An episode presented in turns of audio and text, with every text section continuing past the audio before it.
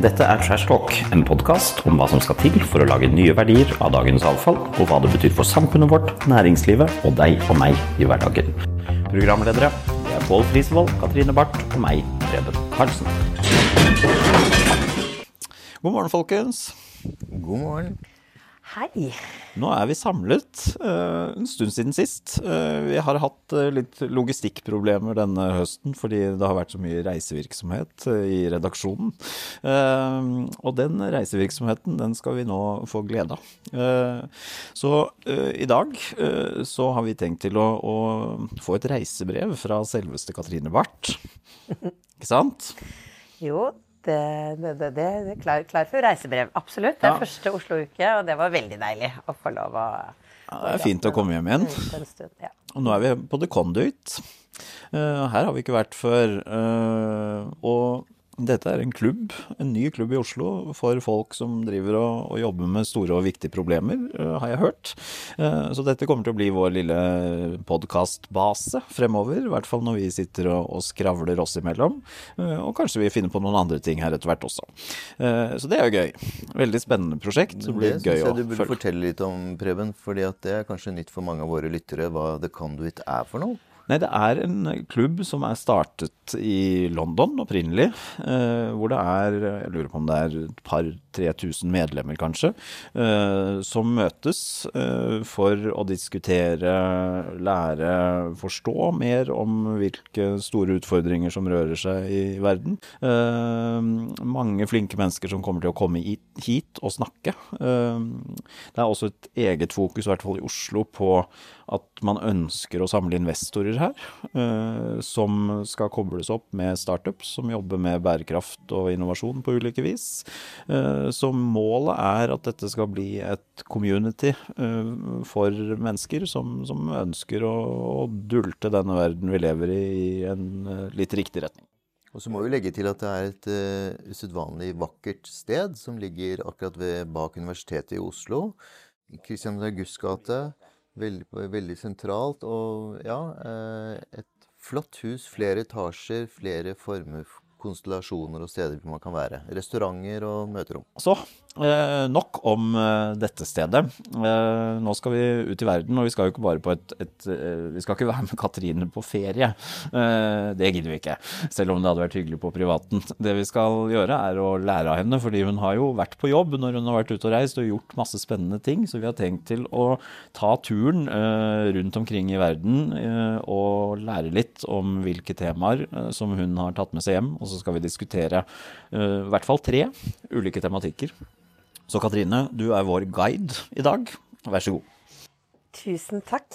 Um, det har uh, vært det, det, har vært utrolig det, altså det å reise rundt med liksom sirkulær økonomi i ryggsekken, det er jo en sånn å ta med seg Rubiks kube, liksom. Uansett hvor du går, så kan du starte med rød sida opp eller blå sida opp, eller sånn at det er kanskje det som blir dagens fortelling, da.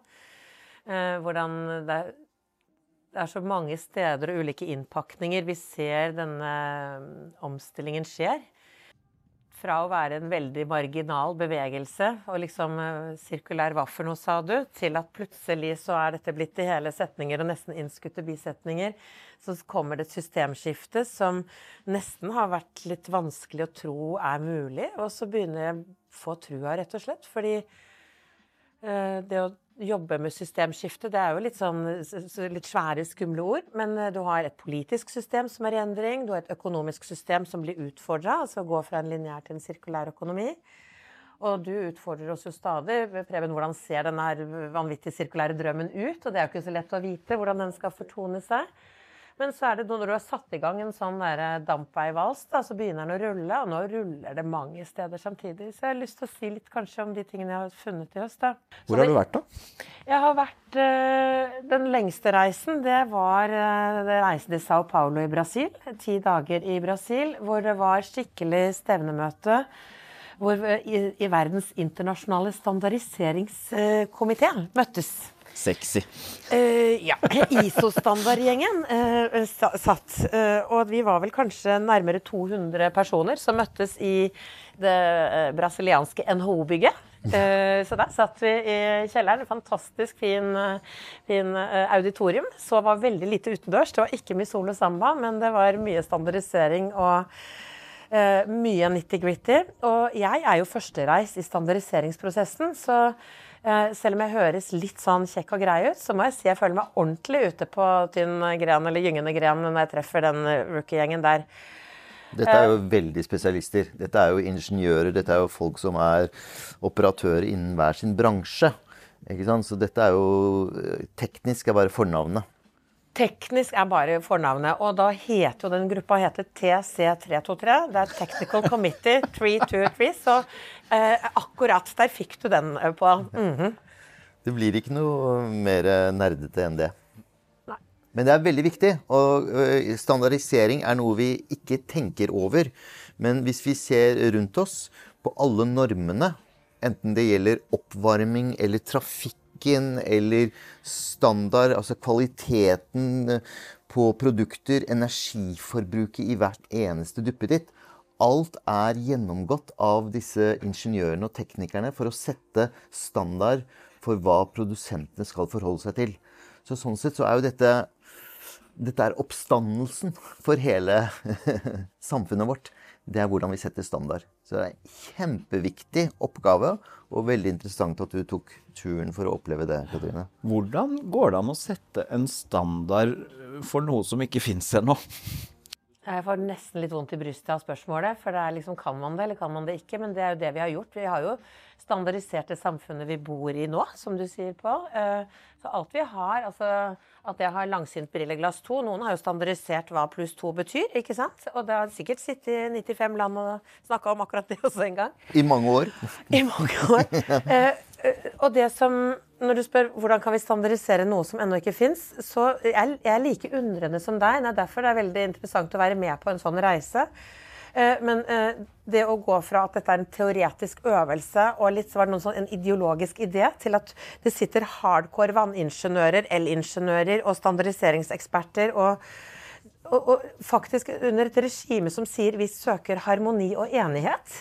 Så det er veldig mye diskusjon. Eh, jeg var ikke engang med i unge partier da jeg var ung, men det er liksom hvordan du sitter og flikker på et partiprogram og, og utfordrer ideer. Det er selv så er jeg litt sånn Kan vi bare snakke oss gjennom dette? Eller hvor er fakta? Det er veldig mye fakta selvfølgelig til grunn. Det er fem veldig solide arbeidsgrupper. Man har holdt på i fem år. Det starta i Paris i 2019. Vi var på stad Altså den olympiske stadion i Paris. Da var det 400-500 som var med på avsparket.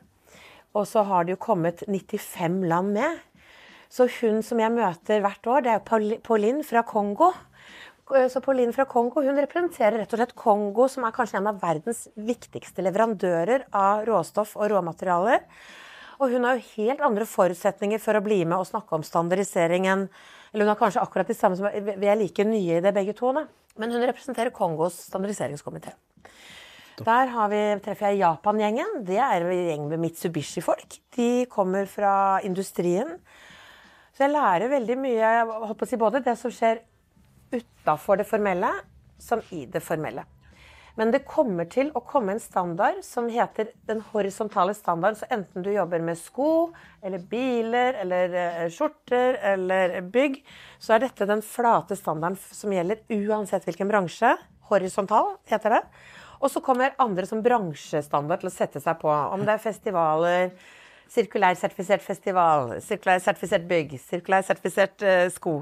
Så dette kommer nå som en sånn og det blir helt fantastisk, for dette er jo grunnlaget og grunnpilaren for hvordan vi gjennomfører sirkulærøkonomi. Fordi at oppå dette byggverket, da, så dette er jo grunnmuren for sirkulærøkonomi, og oppå det så må du ha en for, for regelutvikling. Altså du må ha en juridisk backing. Slik at disse standardiserte kravene, det blir faktisk noe som aktørene er nødt til å forholde seg til. Og det er det som EU tar tak i de, de, kan forlange at skal du sette et produkt på eh, EUs marked, så er du faktisk nødt til å respektere de standardene. For det er ikke given. Fordi at dette er jo bare noen kloke hoder setter sammen. Men å gi dem den juridiske tyngden, det trengs etterpå. Så derfor er dette arbeidet veldig viktig for å få Det sånn hele er jo kjempespennende, fordi det betyr jo at vi, vi har kanskje akkurat nå muligheten til å forskuttere litt. Eh, siden du har jobbet med disse standardene og denne grunnmuren som Pål beskriver, hva består den av? Altså de viktigste prinsippene som eh, man bør ta høyde for hvis man skal være tidlig ute og møte det som kommer til å komme etter hvert. da. Den har bygd uh, veldig mye av stigen eller juletreet på disse 9R. Altså sånn, en sånn 9R-sortering i forhold til refuse, reuse, re, altså en sånn øh, jeg husker ikke alle de ni, men man har brukt masse tid på å bli enige om hvilken modell vi er enige om. Og så handler den det, Man brukte tre år på å diskutere språk, så det er en, eh, holdt på å si, en ledelsesstandard på hva betyr dette språket. Ja. Og det har vært grining og slåssing og Ja, men dette betyr ikke noe på kinesisk, og dette ordet fins ikke på japansk og sånn.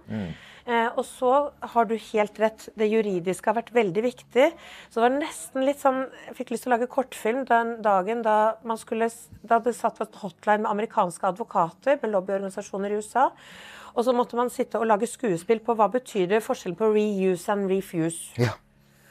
For det har veldig veldig stor betydning i kontraktsammenheng. Eh, hvor lenge kan en produsent ha ansvar hvis det er reused or refused? Altså når har det skjedd noe i en livsreise til et produkt? Eh, så består det av en eh, hva heter det, KPI-er, altså hva skal vi måle? Så når du sier, Hvis vi nå skal tenke offentlige anskaffelser eller private anskaffelser Lærte forresten at EU handler for to trilliarder euro i året. Så når disse trilliardene skal kategoriseres på ISO-godkjent for sirkularitet, da begynner det plutselig å komme en etterspørsel etter noe som ikke fins i markedet i dag. Sånn at eh, den standardiseringen er også på digitale produktark. Så hvordan kan vi digitalisere eh, informasjonen om denne koppen her?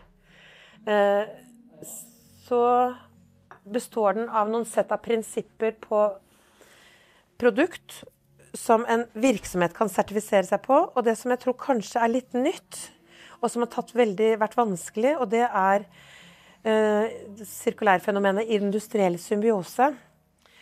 Um, det betyr at vi kan ikke bare sertifisere en bedrift, og dette er ikke bare hva en enhet hva, What is an organization? Det er ikke bare Elkem eller en skofabrikk, men det er hvordan kan vi sertifisere altså hva, hva skjer imellom virksomhetene? Hva skjer når avfall ikke skal bli avfall, men bli ny ressurs? Så det er kanskje den neste øvelsen som blir veldig spennende å se på det samspillet som sirkulærøkonomien kommer til å Altså folk Hva kan en god sertifisering bety for godt samspill? Da? Eh, og, og altså, hele denne standardiseringsprosessen må jo ha startet et eller annet sted. Altså Noen må ha initiert og stått bak det. Eh, hvor kommer det fra? Veldig gøy. Nå skal jeg se om eh, Pål eh, kan kommentere det her. Det starta med en battle uten like første året, fordi Frankrike var en av de første landene som hadde en egen fransk standard, og den var veldig forankra i EU. Franskmennene er ganske tekniske, så de er veldig engineering. Eh, så de er veldig sånn Hvordan kan vi telle 30% materialitet og sånn. Men så kommer nederlenderne, som har en helt annen tilnærming, men de har også en annen innflytelse i EU-systemet på sin måte. Og de kommer 'This is a process, and this is a journey'. Og det er litt sånn sirkulærøkonomien Du kan ikke liksom telle og måle den. Så det har vært De første to årene var en battle eh, internt. Men det er AFNOR i Frankrike som var liksom setter det franske avtrykket på verden, er liksom konspiratorikerne sier, da. Hvordan henger det sammen på? Nei, altså dette er jo musikk i mine ører fordi at Eller dette er noe jeg er opptatt av, fordi det du beskriver nå, Katrine, det er det vi kjemper for hver eneste dag. Altså det som jeg kaller for den der regulative slagmarken der ute. Eh, fordi både historisk, kulturelle og tekniske nasjonale vinklinger brytes jo sammen. Og så er det hvordan, hvordan finner vi kompromisser på disse sterke kreftene? Og vi kjemper for med nebb og klør i Europa, og så skal du klare å få til dette globalt på verdensbasis. Altså det er en kjempejobb og en veldig utfordring, og det tar, det tar selvfølgelig lang tid. Men når vi kommer i mål, så får du faktisk én USB-stikk på alle elektroniske ting. Og hvordan har vi kommet dit? Jo, det har vært en lang reise fra å definere eh, standarder, altså, men, men, også bryne seg og finne kompromisser med disse sterke kreftene. For du snakker om Frankrike og Nederland. Tenk deg USA, da. Og tenk deg Japan. Og tenk deg Kina. Så alle disse landene de har sine vinklinger og sine, sine måter å løse problemene på. Og derfor er jo standardisering Jeg vil jo si at den fortjener Nobels fredspris en dag. Fordi jo, uten standardisering så kommer ikke samfunnet videre. For det er jo, det er jo et utrolig ansvar øh, å, å, ha, da. Å, å, være med å utvikle dette. fordi det, når standarden først er vedtatt, så er det jo kompromissløst. Øh, I hvert fall sånn som det har fungert tidligere. Hvis man tar Easy f.eks., den norske startupen med sånn øh, elbilladere, som jo var en av de mest suksessfulle norske startupene vi har sett. og så bråstopper de fordi de ikke har levert godt nok på sikkerhetskravene i en, en EU-standardisering som gjelder i Sverige. Eh, og nå ligger de jo helt med brukket rygg. Eh, selv om de hevder, og dette vet jeg ingenting om, men de hevder at deres produkt er like sikkert, og kanskje sikrere, enn de reglene som, som standardiseringsordningen eh, stiller krav til. Fordi Eh, de mener at det er gammel teknologi og gamle måter å jobbe på dette er basert på. Så den, hele det der innovasjonsløpet i en ny økonomi opp imot standardiseringsprinsippene må jo være utrolig vanskelig å veie opp mot hverandre. Ja, og i motsetning til politikken så får du ikke omkamper her, ikke Nei. sant. Eh, når det er blitt sånn, så er det blitt sånn, og da mm. er det bare adapt. Men du har rett, Pål, det er mye tid på konsensus og enighet. Og en av de store økonomiene, tilbake til Brasil, da. Hva har Brasil med Norge å gjøre? Så det er jo ikke Det føles litt dekadent. Samtidig blir det veldig, veldig tett på hvor viktig altså BRIC-landene da, Det er en egen del av holdt på å si, ressursøkonomien, men hvor Norge og Brasil har jo en ganske eh, intens samhandling i våre økonomiske systemer. Og hvor ser vi det ellers? Altså Tenk vår avhengighet av eh, aluminiumen vår. Eh, kommer jo fra Box City fra Uh, som er råstoff fra Brasil. Uh, Fôret vårt til havbruksnæringa kommer fra soya i Amazonas. Så hvordan kan vi ha empati og forståelse og innsikt på tvers av verdikjeder, på tvers av land? Så jeg har nok lært både uh, veldig ydmyk i forhold til og Når jeg da får sitte og jobbe med uh, representant fra Elfenbenskysten, uh, så dette løser vi ikke på et nes på Stord eller i Lofoten, liksom. Vår økonomi er så import- og eksportavhengig at jeg er nesten overraska at vi ikke snakker mer om vår, vår interavhengighet av de store handelsmønstrene, faktisk. Um, Når uh, påvirker dette også? Uh, ja. altså, hvor, hvor, lang tid går det fra standarden på en måte er satt, til den begynner å virke? Det er et godt spørsmål, men, uh, men, men, men dette er litt sånn som flytrafikken. Altså, vi ser den ikke. Vi ser bare flyene som detter ned. For dette fungerer veldig sømløst, men det er en stor prosess der ute i en galakse, der hvor Katrine har vært, som vi ikke kjenner til. Eh, det vi ser, det er at produsentene sakte, men sikkert forholder seg til de nye standardene. Og så kan du si hvor lang tid tok det fra man kom frem til USB-stikken, til det i dag er et krav i Europa, og dermed i hele verden, for uh, ladestandard på alle elektriske og elektroniske utstyrs uh, lademekanisme? Jo, det tar antageligvis uh, ja, kanskje desini, kanskje tiår. Absolutt. Men det er jo utrolig viktig fordi at det legger grunnlaget for hvordan produkter uh, finner sin plass i markedet. Og skal vi ha en sirkulær økonomi, så må jo disse Det kan du fortelle mellom Katrine. Hvordan disse um, skal vi digitalisere? Skal vi få oversikt over eh, produktenes rolle? Ja, ikke sant. Mm. Hvor er liksom den informasjonsbasen? Eh, jeg tror at det ikke tar ti år. Jeg tror at det sekundet det går opp for produsentene at uh, du skal ha et eller annet sett av noe greier i markedet, og hvis det ikke er sirkulærklart, så, så Hva heter det? Det er litt sånn sunk cost. Da, da, da bygger du for gårsdagen. Det høres ut som du har gjort nytte for deg i høst eh, allerede, og det var første stopp. Jeg, jeg har egentlig lyst til å takke eh, Magnus Håkvåg, en fantastisk nerd i standardisering. Eh, som mens jeg holdt på for ti år siden og bare ble kjent med den ene etter den andre. men han leda innovasjonsstandard standardiseringskomitéarbeidet og sa men Katrine, hvis du vil forandre et marked, så må du bare forandre standarden. Er det så lett? Ja, det er bare så lett. Eh, eh, så når det kommer liksom en vind som skal standardiseres, så rekk opp hånda. Så det var egentlig det jeg gjorde. Og, og, og det kan se ut som han, at det har vært Ja, det har vært litt av en læringsreise. Nå skal vi reise videre. Ja. Apropos. Neste stopp er Reykjavik, eh, Island. Um, Sagaøya. Den, eh, det er eh, vårt nærmeste naboland i vest. En del av eh, vidunderlig Norden, og egentlig midt i Norden. Og vi begynner å se på det enorme omfanget Norden er, når vi tar med oss Grønland. Hvordan, og dette er en del av det prosjektet som jeg har holdt på med i noen år, sammen med veldig mange flinke folk. Å bygge en nordisk organisasjon på samarbeid på sirkulærøkonomi. Og hvert år så har vi en konferanse. Nordic Circular Summit. I fjor var den i Stockholm. Da var Pål med og briljerte. Det var veldig gøy. Jeg traff noen av de flinke kollegene som jobber rundt om med akkurat det samme som vi gjør. Og så har vi en fantastisk gjeng kolleger på Island som da rigga til årets Circle Summit i Reykjavik. Hvis du skal ta ett tema, eller ett høydepunkt, da, som du har lyst til å dele med oss? Dere lo noen, for litt for noen uker siden en ting av årets tema. Hvordan kan vi snakke om human factor og sirkulær økonomi? Hva er den menneskelige komponenten? Eh, det er ikke bare materialer som skal standardiseres, som reiser i et system verden rundt. Men vi er mennesker som skal fungere i samfunnets sirkulær økonomi. Og det ene temaet, som heter skills, altså kompetanse, fikk vi Det, det, det ble en ganske bra luftballong. Én uh, er at uh, året i år er 2023 er EUs year of skills. For å kunne gjøre noe nytt, så må vi jo lære noe nytt. Siterer Mats Brun her. Og EU har jo selv sagt at den store transformasjonen så er det i år vi skal jobbe virkelig med kompetanse.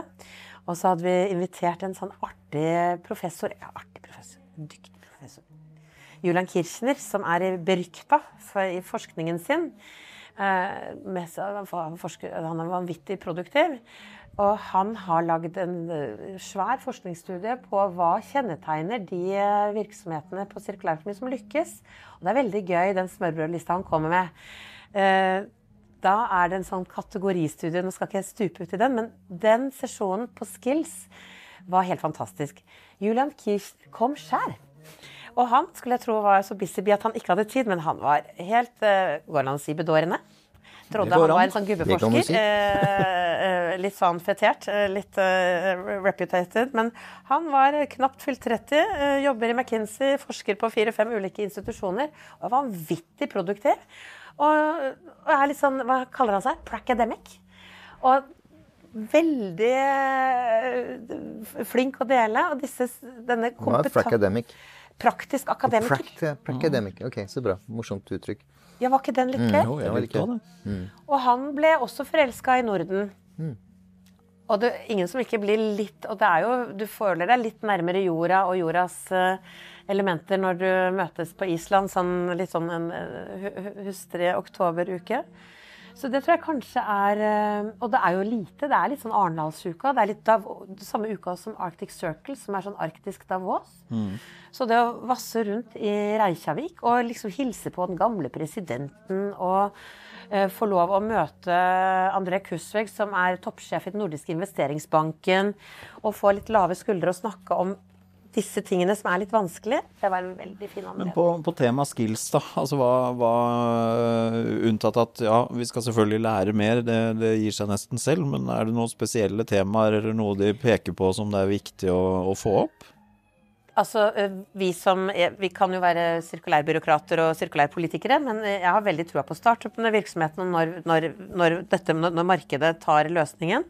Og de startupene som lykkes, det er Nå husker jeg ikke helt om alle seks. Det er under kategoriene på uh, uh, kreativitet, uh, visualisering. Hvordan kan vi visualisere komplekse data? innovation skill, veldig teknisk. Altså, du, du, må kunne Mye digitalisering. Uh, environmental skills. Og det å ha liksom, eh, naturfag for voksne og jordkunnskap og forstå riktig type eh, metall og feil type metall. Uh, business innovation skills. Og det er vel den uh, delingsøkonomien. Og hvordan får du plattformfolk og plattformløsninger til å funke. Så, så, er det den social skill som handler kanskje med der, det å forstå omgivelsene sine og samarbeidsevne. Så du sirkulære startups og forretningsmodeller har ofte en helt annen avhengighet av andres verdikjeder. Enn hvis du jobber veldig sånn monomant i en lineær modell. Ja, høres kjent ut. Det er slitsomme greier. ja, du kjenner igjen den. ja. Så, og, det er godt å få forskerne til å si at det er sånn, da, mm. ikke sant? Kanskje får vi dette til å ta det med til Innovasjon Norge eller ta det med til innovasjonsinstrumentene, at de investerer faktisk i en annen type kompetanse. Eller hvordan ser gode sirkulære til. Mm. Gøy. Eh, det er mye å lære om eh, en ny økonomi og alt som må på plass, det er helt sikkert. Eh, etter at du var på Island, så reiste du videre? Ja, det var nattflyet, natt, nattferga, holdt jeg på å si, rett til Warszawa, som har vært det tredje gangen. Jeg har vært så heldig å være med på, på Warszawas Polen Circular Week. Og det finnes et utrolig spennende fagmiljø og nettverksmiljø i Polen som nå fyker av gårde på sirkularitet. Det skjer både på offentlig side, så der er liksom City Mayors i de Bratislav og Karpac og forskjellige sånn polske byer jobber med sirkulære byer på, fra offentlig side. Men der Katrine, må du fortelle litt, for at vår, vår hva skal vi si, jevne forståelse av Polen som en drivkraft i en ny, innovativ økonomisk modell, den er litt begrenset, dessverre. Hvorfor har Polen inntatt denne rollen? Hvordan har de klart det? Ja, Nå er det nesten tilbake. Nå må du kjøre litt økonomisk historie snart. ikke sant? Fordi Polen, for det første, Bare det faktum at Polen har endra økonomisk system en gang før, mellom 1989 til 1992, var et utrolig mektig innsikt. Ganske brutalt. Eh, Mm. På en brutal måte. Veldig mm. brutalt. Og mm. dette er folk som er nøyaktig like gamle som meg. Det mm. var det året jeg var russ, liksom. Som de jeg treffer Vi har veldig parallelle fortellinger på helt ulik måte. Men når du spør Preben hvordan kan vi lage noe vi ennå ikke vet hva fins, her er det noen som har vært med på å lage noe som de ikke visste hva fantes. Og det å tro på systemskifte. Men så kan vi si Polen er eh, den raskeste voksende økonomien i hele Europa.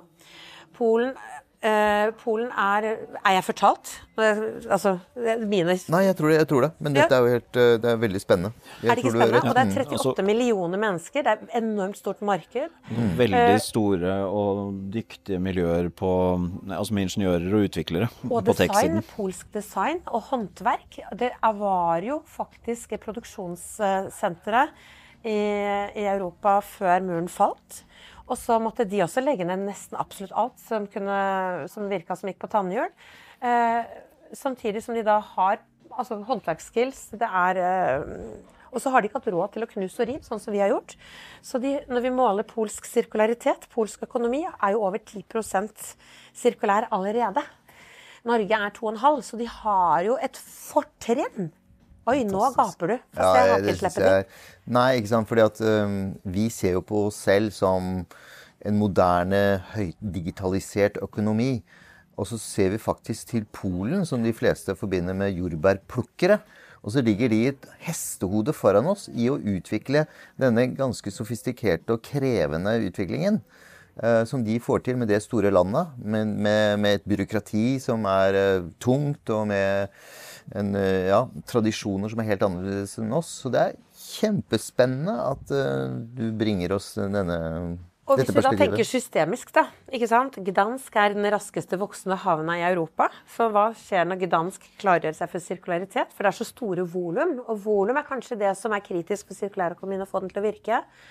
Og så har det skjedd noe annet i høst, og det er valget. Men det må du gjerne kommentere. fordi at uh, den nye generasjonen i Polen har mobilisert noe voldsomt. Det har vært skummelt å være i Polen. Folk har vært redd for pengene sine, for politikerne sine.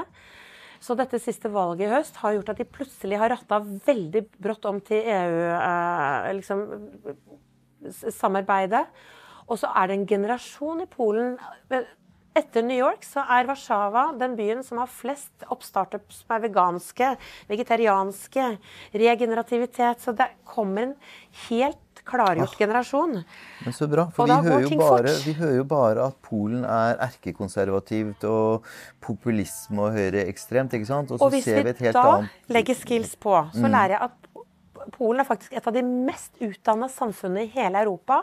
Ja. Av all type utdanning. Så kompetent. Og da jeg da lærer at av alle de fantastiske kollegene og polske eh, arbeiderne som jobber i nor norsk industri, under 1% av de får lov å jobbe med det de egentlig er utdanna som. Er ikke ja. det litt waste? Wow.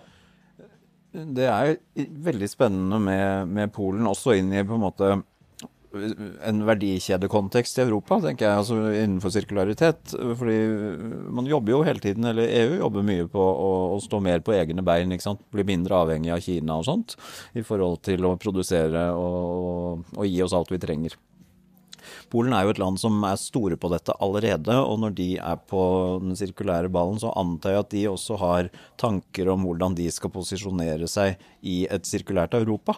Eh, er det ting dere snakker om? Det har vært eh, Jeg tror det var en stor oppvåkning når vi begynte å gjøre den sirkularitetsprosessen, vi jobba med kanskje over 20 forskjellige bransjeorganisasjoner, og fra reiseliv til bygg til Og alle sa oi, vi skal lære så mye fra dere i Norge. Og tenk så spennende, nå skal vi endelig lære å bli miljøvennlig og grønn. Og så var liksom Iron Think, så, men det er derfor vi trenger tall og telling. For så viser det seg faktisk i den prosessen at de sitter med veldig mye av kunnskapen, svarene og virkemidlene allerede. Og også som EU-land så ligger de an til å kunne ta det i bruk mye fortere enn Norge f.eks. Så det var en, jeg ville sagt et selvtillitsskift. Å eh, ikke måtte være, liksom underkaste seg litt sånn, litt sånn dårlig Hva heter det? Underleverandørland. Og det å se Og det gjelder jo alle oss. Norge har jo gitt bort produksjonen sin. Nå ser vi den som sitter faktisk og har produksjonsenhetene hos seg, er jo kanskje de som kan være med å bestemme framtiden. Så jeg ville jo tenkt for bygg. Vi lekker avfall til Polen, alt blir borte. Tekstilene går den veien. Eh, alle byggeleilighetene. Det er modulbygg. Du har Window Valley i et eller annet sted. alle aluminiumsvinduene våre blir der. Så den avhengigheten vi har i verdikjeder, ville jeg tenkt vi burde være våkne og få en oversikt over den fort som fly det er da du kan gå inn og gjøre en endring. Det er ikke hva som skjer på byggeplass, men hva skjer før byggeplass og før vinduene blir til, og liksom begynne å samarbeide med de fagmiljøene eller produksjonsmiljøene i Polen. Nettopp. Uh, er det mye synergier mellom noen av de prosjektene dere jobber med, f.eks. i Norge og det som skjer i Polen, eller er det to Nei. forskjellige? Nei, det er ikke det. Nei. Klassisk. Hæ? Uh, hva gjør vi med det? Det er derfor man må snakke sammen. Vi prøver. Jeg føler meg som sånn deige som bare ja, ja. sånn strikker inn litt mm. uh, mønster her. Nei, men altså, Hvor er uh, Innovasjon Norges prosjekt Se til Polen? Altså, Et av spørsmålene fra da vi ble hyra inn til dette, det var Innovasjon Norge har lagt ned Polens kontoret sitt. Nei. Ja, så litt av underliggende målet. Hva skal til for å få Innovasjon Norge til å ikke bare se til Polen, men bli med til Polen? De har ikke blitt med ennå? Nei, nei da. Vi får, uh, vi får, spørre Håkon Haugli da, om han har lyst til å bli med en tur. Ta med neste år. Uh, ok, uh, bra. skal vi sveise innom Sveipe, heter det. Innom Nederland på veien hjem også, eller? Oi, ja. Det Veldig kan vi godt gjøre. Vi kan ta en liten novembertur ja. og ha med seg um,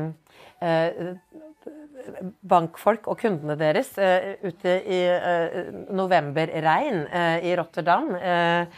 en av verdens største havner. en tredjedel av varer og produkter går jo gjennom den havna der, som kommer inn og ut av EU. Hvorfor har de lyst til å dra til Nederland? Det er jo som å være i et sirkulært Disneyland, for uansett hvor du snur deg og vender deg, så har noen tenkt klart en løsning så det er veldig kortreist læring. Eh, veldig effektiv læring. Og du blir aldri det samme eh, når du tar med deg de 30 menneskene ut av Schiphol som de som ankom to dager før. Det får være teaseren på den eh, læringsreisen der. Men veldig de er fyr og flamme, så vi kommer sikkert til å se noen nye ideer her hjemme snart også. Som Kennedy sa, 'make your country a better place'. Leave it. ja. Godt oppsummert, Pål. Tusen takk for all læring, Katrine. Dette var eh, kjempegøy å høre på. Og takk for at du bruker så mye tid der ute og tar med den kunnskapen hjem. Det, det gjør oss bedre alle sammen. Mm takk for å få lov å dele, for jeg tror at det er kanskje raskeste vei. Det er hva det nederlenderne sier. Eh, der I lineærøkonomien så driver vi med, med, copyright, men i sirkulærøkonomien så driver vi med right to copy. ja, så her er det bare å plukke med seg ideer og dele og bytte og lære folk som fri. Steel with pride, som det het på Ikea i gamle dager. takk for nå. Takk for nå.